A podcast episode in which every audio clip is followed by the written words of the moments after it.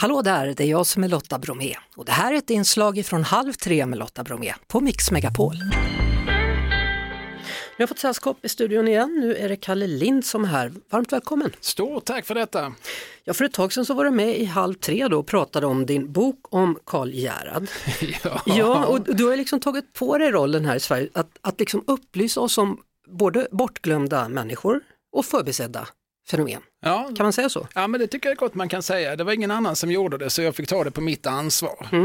Och då snackar vi alltså om udda detaljer, subkulturella fenomen, nöjeshistoriska kuriositeter och excentriska personer. Ge, ge ett exempel. På en excentrisk person. Till exempel, Johnny Bode var en excentrisk person. ja, med Ja. vita handskar.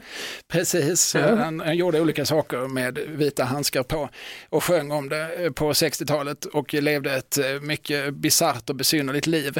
Eh, Så där har du en excentrisk person som vi gärna återkommer till. Jag kommer ihåg det när jag jobbade på Sveriges Radio, det var ju så här förbud att spela vissa av de skivorna. Han var ju också ovän med alla människor som jobbade i Sveriges Radios grammofonarkiv eftersom han blåst dem på pengar under sin långa karriär. Jaha, Så att eh, de, de var också personligen, personligen fiender med honom. De hävdade hela tiden så här, ja men Johnny Bode, han, han var väl lite nazist under kriget, det är därför vi inte spelar hans skivor. Men det var ju i själva verket för att de var personligen irriterade på honom.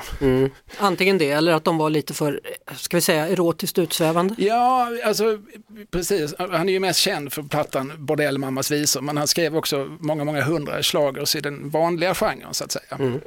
Eh, om vi säger fenomen då, vad kan det handla om då?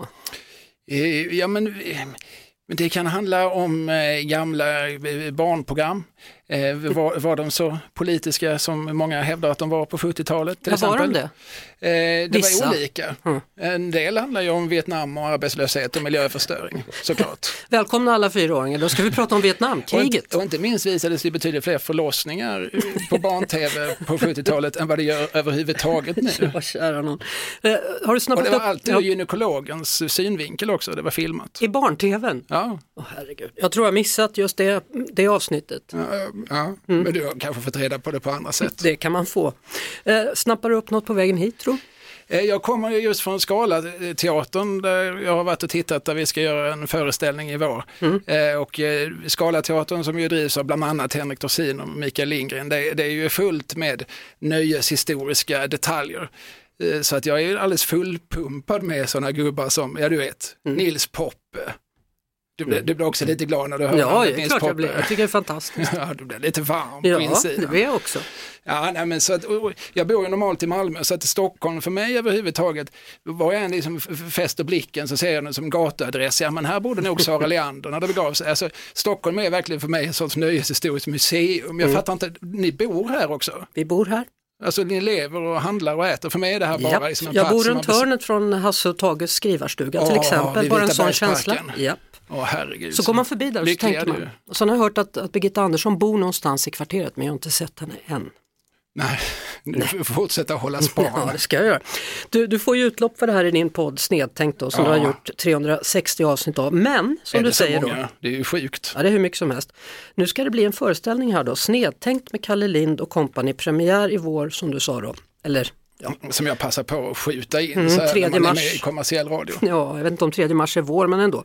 Eh, Scalateatern i Är det inte Stockholm. vår? Nej, jag vet inte. Jag Ska vi tror inte det. diskutera den, den meteorologiska våren? Eller, Nej, Men vet du vad, vi kan säga så här att i- i Malmö, där du, eller i Skåne, där kanske det är ja, vår. där har vi inget som heter vinter men, men, överhuvudtaget. Så du förstår. Men är det inte mars, april, maj? Är det inte det som är vårmånaderna? Ja, Ah, ja, ja, vi får se.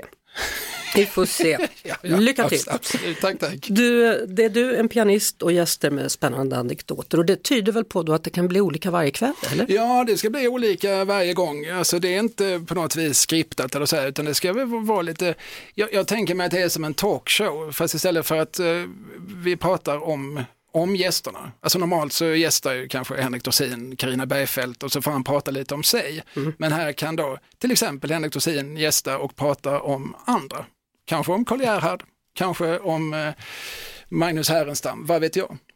Men kul, alltså, så det blir liksom nostalgi för de äldre som minns och sen blir det Mm. ny kunskap för yngre som är nyfiken. Ja, alltså planen är ju att man ska, man måste inte veta allting själv, utan det kommer man att få lära sig. Däremot så är det ju bra om man är nyfiket lagd. Bra. Det tycker jag man ska vara jag överhuvudtaget. med. Kalle Lind, stort tack för att du kom hit och berättade. Det var mitt nöje. Och jag hoppas att showen blir så lyckad som jag tror att den kan bli. Det, då är vi två. God jul på dig! Jag hade samma. Halv tre med Lotta Bromé på Mix Megapol.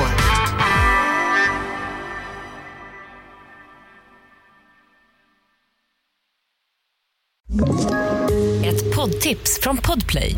I fallen jag aldrig glömmer djupdyker Hasse Aro i arbetet bakom några av Sveriges mest uppseendeväckande brottsutredningar. Går vi in med hemlig telefonavlyssning och, och då upplever vi att vi får en total förändring av hans beteende. Vad är det som händer nu? Vem är det som läcker? Och så säger han att jag är kriminell, jag har varit kriminell i hela mitt liv men att mörda ett barn, där går min gräns. Nya säsongen av Fallen jag aldrig glömmer på Podplay.